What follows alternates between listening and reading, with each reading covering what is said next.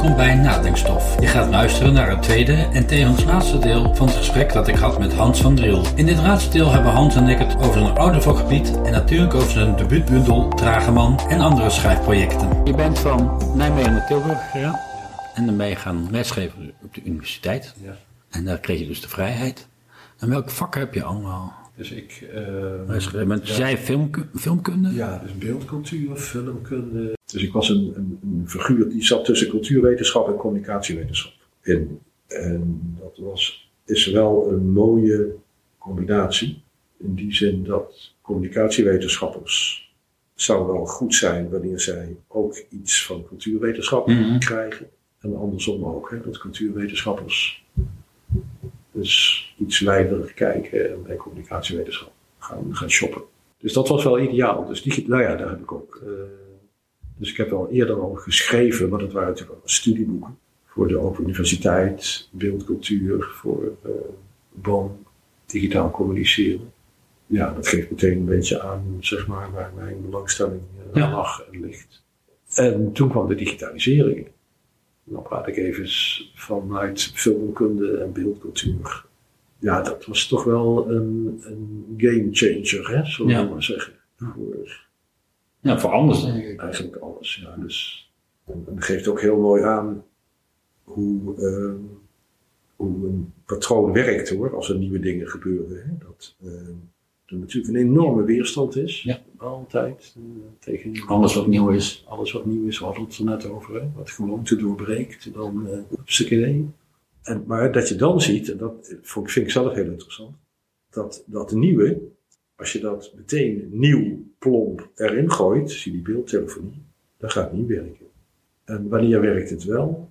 Wanneer het nieuwe eerst het bestaande kopieert, imiteert. Dat gebeurt. En dat gebeurde.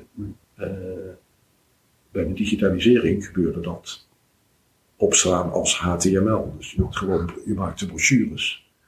En die brochures werden op internet gezet. En dat ging ook heel Ja, gemakkelijk, want dat was opslaan als HTML. Dan stond het op, eh, op internet. Dus internet was gewoon een kopie, een imitatie van de papieren samenleving. In het begin. Ja. En van een encyclopedie. En het eerste spoorboekje. En dat is eigenlijk heel goed geweest, omdat pas vervolgens ook bedrijven gaan nadenken van wat is nu de eigenheid Ja. hè, van het van Wat, wat, van moeten we, wat moeten er echt Waar mee? kunnen we dan nou echt mee? Terwijl mensen er al aan konden wennen. Dus dat interesseert me wel. Dus, dus, dus kijken hoe dat soort patronen werken. Hè. Alles imiteert eerst. En dan pas Eerst- gaan ze bedenken wat je weg moet. De eerste automobielen die leken op een koets. Ja, dat is waar. Hadden een koets. De eerste fotografie, dat waren portretschilderijen. Ja, dus mens kan niet De anders. eerste films, dat waren theaterstukjes waar één camera stond. Je noemt maar een nieuw iets en ik kan je precies zeggen van, zelfs het schrift was eh, de eerste schriftelijke uiting. Dat waren allemaal kopieën van een orale cultuur. Het werd opgeschreven. En niet geschreven, Nee. opgeschreven. Opgeschreven. Vandaar dat op. Ja, precies. Ja. Hè? Dus dat is wel interessant. Hè? Dat, dat, zou, dat, dat zegt ook wel, als je iets nieuws introduceert, hoe je dat eigenlijk zou moeten doen. Want er zijn zoveel voorbeelden waar het fout ging, Ja. omdat het erin plofte. En, eh, ja, weet die prof. Dat werkt dus niet. ja, nee, die werkt. Wordt dus gewoon langzaam. Ja, dat is toch langzaam. Ja, ja, en dat beste kan door het eerst vertrouwd te laten zijn. Dat wil zeggen dat het aansluit op wat je gewend bent. En dat is bij die digitalisering gebeurd. Ja, Ja. dat kon ik niet anders, want we hadden nog geen idee van wat zou je er eigenlijk mee kunnen. En dat is maar goed Nee, ook. nee, dat is, dat is inderdaad maar goed. ook. Dat is maar goed ook. Dus toen eh, verschoven we de aandacht richting eh, de digitale cultuur. En toen ben je daar Engels gaan. En ja, en wat zijn de, dus niet zozeer de techniek, dat Nee. geloof ik wel.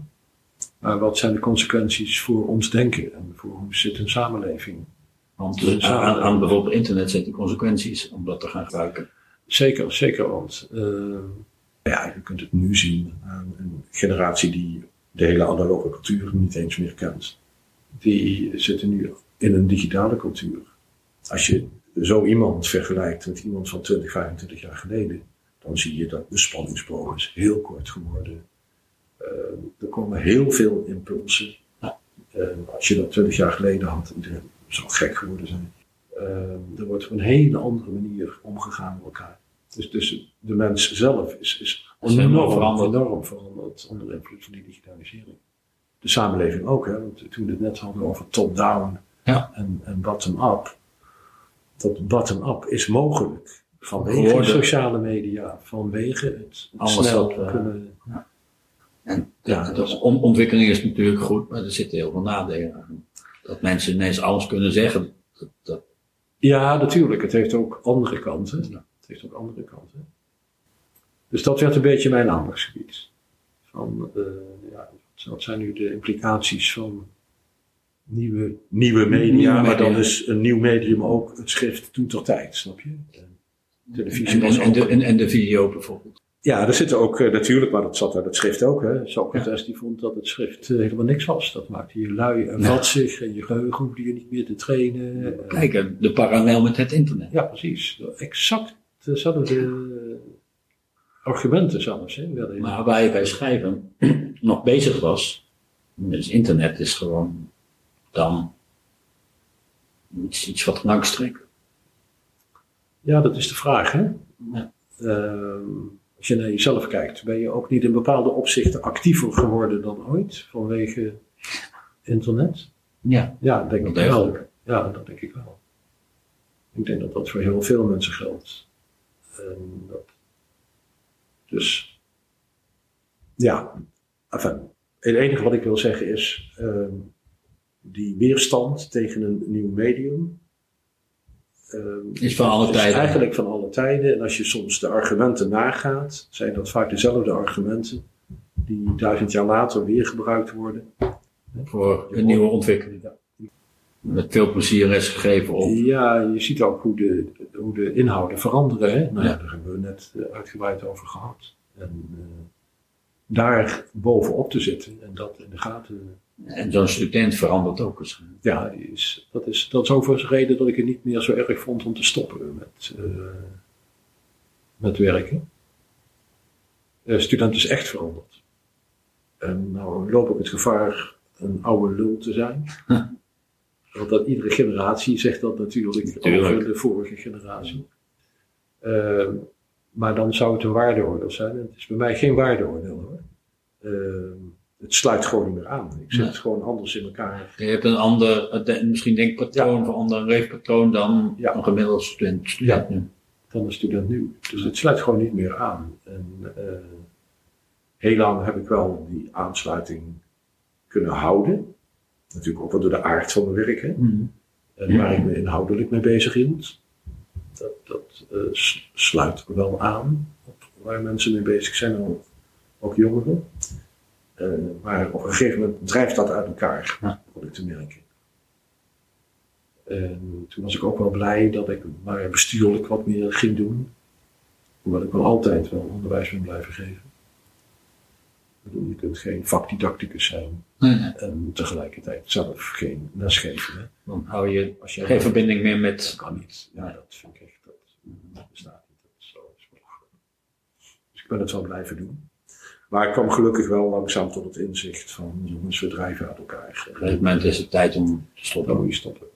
Maar je kijkt wel terug op een mooie periode lesgeven. Fantastisch. Dat is echt, ja, goed. Je bent, Ja, en je hebt natuurlijk ook mooie, gewoon mooie ontwikkelingen meegemaakt in die, Zeker. Ja.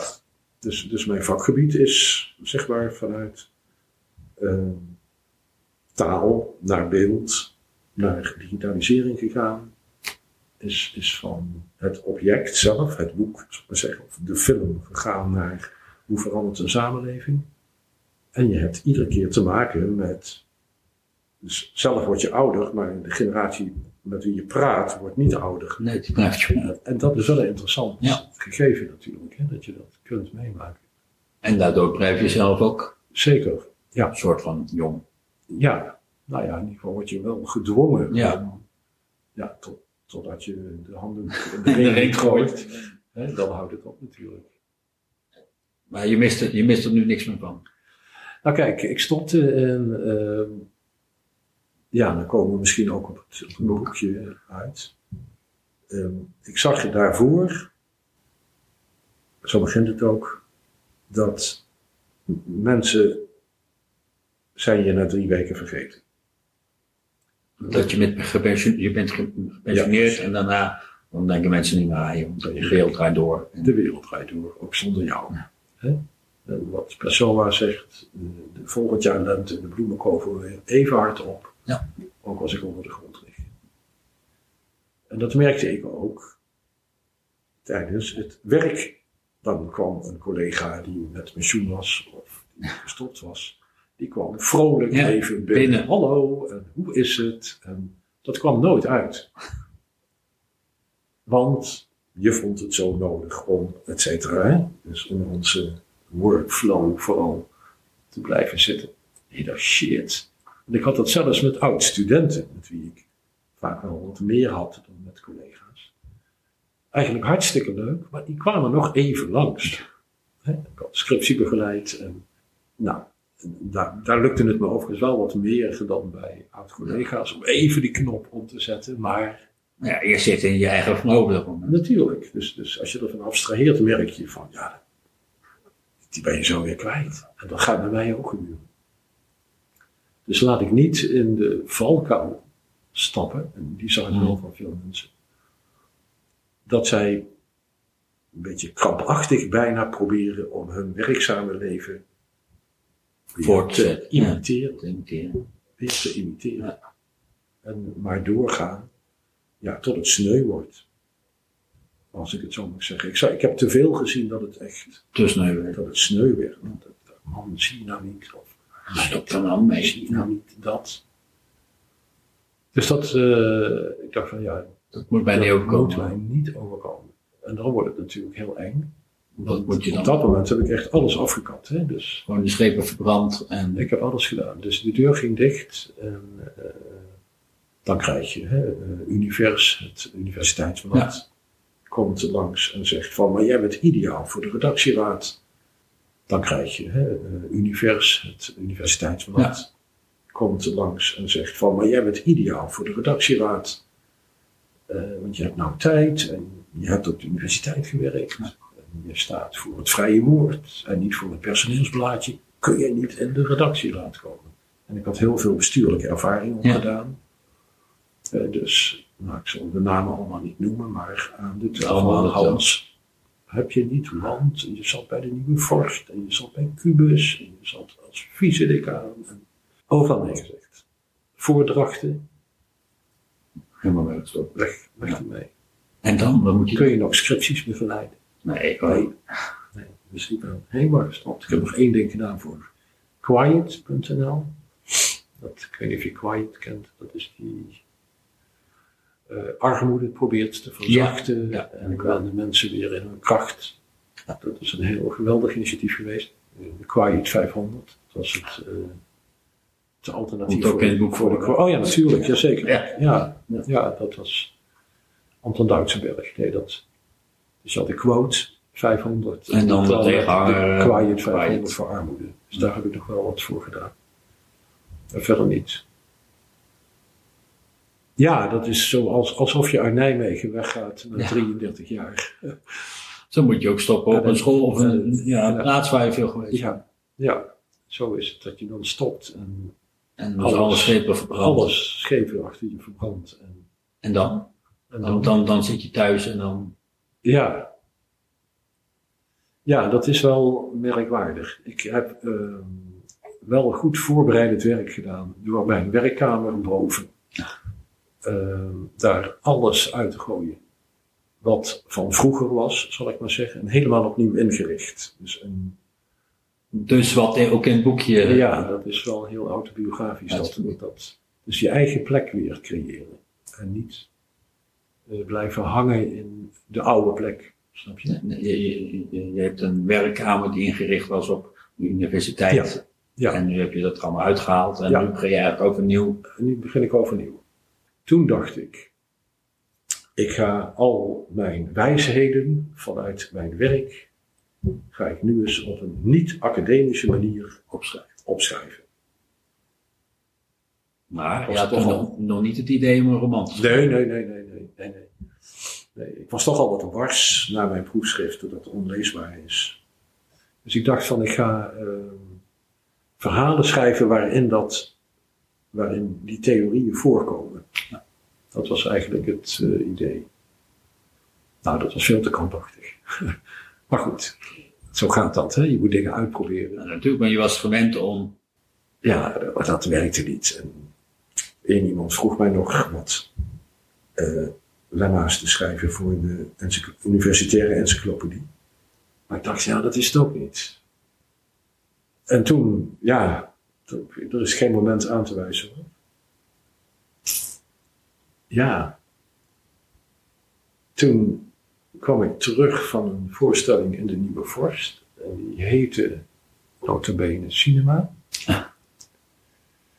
En dat was een voorstelling waar eh, Oostpol eh, uit Arnhem, die hadden, en dat was wel fascinerend, als je de Nieuwe Vorst binnenkomt, dan ga je de hoek om, dan heb je rechts de tribune, laat ik maar zeggen, en links het, eh, de vlakke vloer.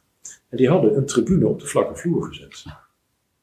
En dat was wel erg intrigerend.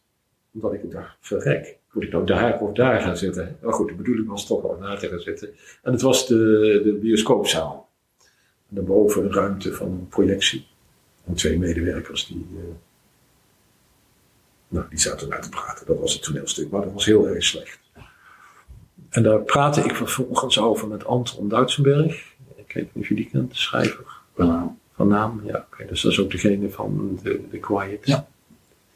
En eh, twee mensen. Ik vond het zo'n gemiste kans, hè, want ik dacht, wij zijn dus het doek. En wij zijn dus het geheugen van alle films die geprojecteerd zijn in die bioscoopzaal. Dus ik was zo benieuwd wat ze met dat gegeven zouden doen. Er werd helemaal niets, niets mee gedaan. Dat, is een ongelooflijk gemiste kans. Kun je het voorstellen? Dus dat zat ik zo eh, te oreren. En eh, toen dacht ik van, weet je, nou hier ga ik gewoon een verhaal over schrijven. Dat heb je gedaan. En dat heb ik gedaan.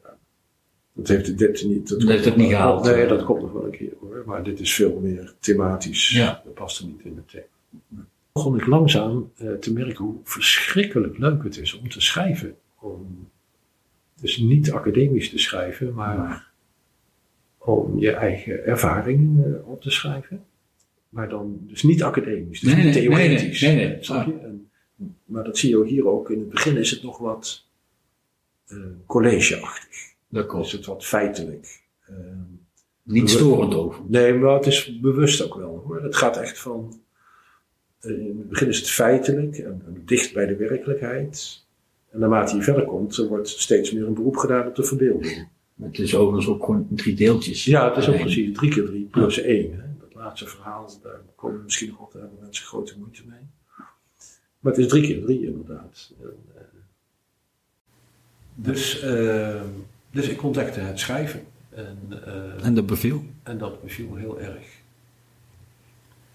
En ik ben ook wel een, ehm, hoe noem zoiets, een constructeur. Een, een, constructeur is een beetje een te technisch woord. Maar ehm, bij mij moeten de dingen wel passen. Dus het is, ik ben geen, ehm, ik schrijf het en het kan meteen de deur uit. Ik blijf maar en ieder woord staat, moet op de goede plek staan, zal ik maar zeggen. Een soort, je hebt een puzzel en je gaat Ja. verder. Je, je- je stopt niet voordat de puzzel compleet is. Ja, de puzzel moet wel compleet zijn. Hè? Dus dat, niemand ziet dat hoor, maar in dit boekje, dat is heel erg. Motieven komen terug. Ja. Eh, Café Weemoed. Ja Café Weemoed. Ik, ik zie zo'n café natuurlijk gewoon helemaal voor me. Met zo'n bruin café, met zo'n vaste gast aan de bar. En dat je denkt van ja. Zo'n rookhol eigenlijk. Hè, is het ook, dat is het ook. Waar je inderdaad echt gedronken wordt. Ja. En dat je op een gegeven moment ook niet meer weet waar je bent geweest Oké. of zo. Ik, dat, dat vind ik. Ja. Het is ook weer zo goed beschreven, want je ziet dat gewoon voor je. Ja, hè? ja, gelukkig. Ja, dat vind ik wel mooi dat je dat zegt. En ook die man aan de bar die een paar keer terugkomt. Hè? Die komt steeds terug. Verschillende verhalen. Maar hij blijft hangen aan die Hij bar. zit ook steeds aan de bar. Ik vind dat zo'n mooi beeld. Daar word ik zelf van. Ach, i- Is er een Tilburgs café wat daar Het met... heet eh, Weemoed, hier op de Korte Heuvel. Oké, En dat is een outcast eh kroegje. De rest is allemaal eh terrassen. En ja, de rest is met juppies als je gevuld. daar binnenkomt, dan Dat is nog echt ouderwets. eh, Ja, het was, wel de kroeg van kunstenaars, eh, gescheiden dertigers en veertigers. eh het, eh, Zoals in Den Bosch heb je een café, dat wordt genoemd als het echtscheidingscafé. Oh. Want daar vind je alle mensen die uit elkaar zijn. ja, ja, ja, ja, ja. Ja. Dat is heel lang heeft het gedicht van Elschot eh, natuurlijk op de wc gezeten met weemoedigheid. En eh, dat kon je nog lezen. Het is ook heel klein. Ja, dus Meer heb je ook niet nodig. als je ooit daar komt, moet je even mee. Ik eh, ga er toch eens kijken, want Dat spreekt je wel aan. ik vind dat soort cafés erg Ja, mooi. Ja.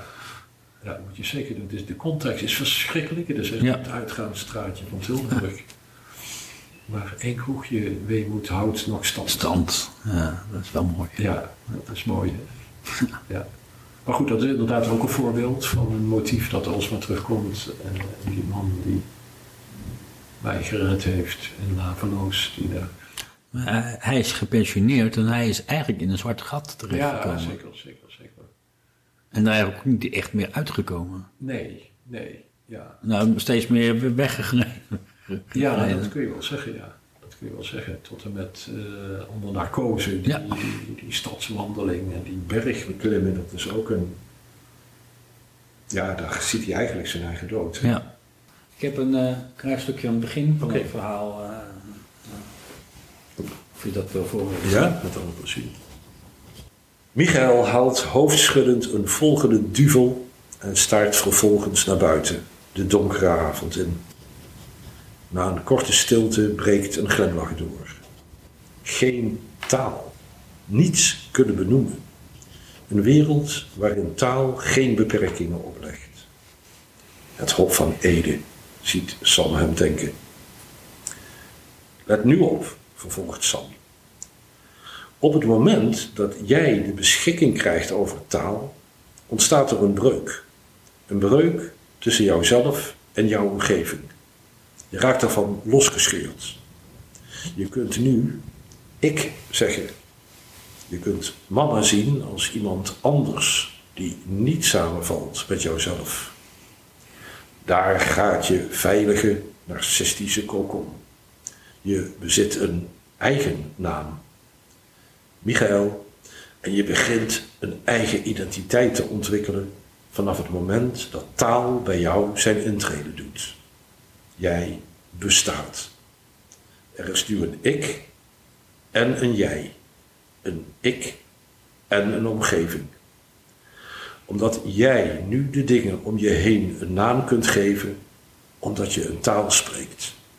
Papa en mama krijgen betekenis als aparte mensen van wie jij je onderscheidt. Een mooi stuk. Mooi stuk. Want dat zie je ook bij eh, jongere mensen. Hè, baby's ook. Dreumers. En als ze praten, dan beginnen ze eh, op een gegeven moment met eigen naam. En dan ben je iemand. Ja. Ah, je maakt het natuurlijk, ik heb dat ook meegemaakt. Ja. Met eh, jouw kleine. Ja, dat is een, het, is een, eh, het is Jacques Lacan, hè, die heeft dat, eh, dat idee ontwikkeld van dat het een ontzettende breuk is op het moment dat je dingen kunt gaan benoemen. Ja. Want kinderen leven ook in een volstrekt narcistische wereld, in een, hij noemt dat het, ik heb het eruit gegooid hoor, maar het spiegelstadium. Hè? Dus de, dus de wereld spiegelt alleen maar jouzelf. Die bestaat niet. Jij bent de wereld, de wereld is jou. Ja, dat is het. En dat is het. En dat is het kind. Ja. En op het moment dat je inderdaad die breuk krijgt van, van ik kan nu jij zeggen, of ik kan, ja, dan word je losgescheurd uit dat, en dan kom je in het symbolische stadium, stadium van de taal en nou ja, Ja, ik vind dat heel erg mooi, Mooi, eh, mooi opgeschreven. En vervolgens doen wij ons uit als de best eigenlijk om weer terug te keren naar die twee-eenheid. Ja. Maar helaas, dat is knap onmogelijk. Ja. Ja, dat vind ik, dankjewel. Dat is een. eh, Vervolgens ben ik met iemand in estafette vorm een kinderboek. eh, Voor volwassenen was een het. kinderboek voor volwassenen. Ja, want er staan dingen in waarvan ik denk. Maar misschien dat een volwassene dat wel kan uitleggen aan een kind. Kind moet je ook niet onderschatten, vind ik. Nee, vooral. Dus uh, ja. Daar ben je nog mee bezig? Of? Ja, deel 1 is klaar vanwege zijn tere huid. En deel 2 zijn we nu mee bezig, dat heet het hanen-ei. En dat is echt een beetje weirdo-achtig iets. Een weirdo-achtig iets? Nou, een hanen-ei is natuurlijk al een... Ja, het is een raar woord. Een beetje ja. raar iets ja. natuurlijk. En daar komt uiteindelijk een zeepaardje uit. Dan is het inderdaad... Ik geef het je maar, de clue. nee hoor, daarna gaat het ook verder. Nee, gaat het verder. Maar interessant was dat, uh, om het in estafette te doen. Dus ik had een, uh, een collega uh, bij onderwijs die nog wel werkt in Rotterdam. En die heeft een schrijvercursus ook gedaan in Amsterdam. En die stuurde mij een foto van een kickforce, waar die voor gedeeltelijk ontveld was. Dus een reiger heeft daar mm -hmm. het zo. Ja, toen dacht ik van verrek, dat is leuk om uh, verhalen over te schrijven. Vanwege zijn tere huid. Ja, ja. Dus ik begon anderhalve pagina. Ah, maar een kinderboek, dat, dat gebeurde gewoon vanwege die kikker, hoor, moet ik zeggen. Een witmatige psalmen. Dus ik stuurde haar naartoe. Ik zeg, nou, nou jij verder. En dat, is dat vond ze leuk. En toen kreeg ik het weer terug. Nou, nou jij verder. En dat heeft. En ik redigeer het wel om het een beetje in dezelfde uh, stijl te laten zijn. Maar door die kikker of kikforce ja. is het een kinderboek. Is het een kinderboek geworden.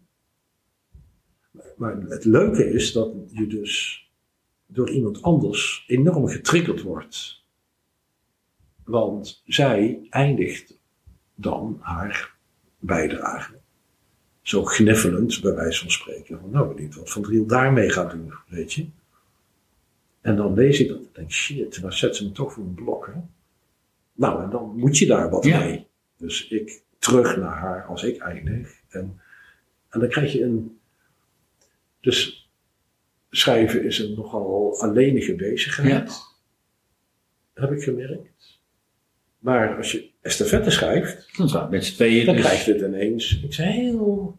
Ja, dus ineens begrijp ik ook wel schrijven duo's. Hè? Die, die, die, die Engelse, ik ben de naam even kwijt. Die Niche French. Ja, precies. Ja, Nietzsche French. Ja. Begin ik dan wel te begrijpen. Ik, ik weet niet hoe zij werken hoor, maar dit is in ieder geval lineair, of chronologisch, zou ik het zo zeggen. Achter elkaar. Ja, dan, eh, Joost, dat is echt om dat mee te maken. Eh, ik ben verder helemaal niet zweverig hoor, integendeel. Maar je merkt wel dat er toch iets wordt aangeboord Ja. in je creativiteit, laat ik het zo maar zeggen, waarvan ik niet op de hoogte was. Dat het bestand. Ja. Dankjewel voor het gesprek. Leuk.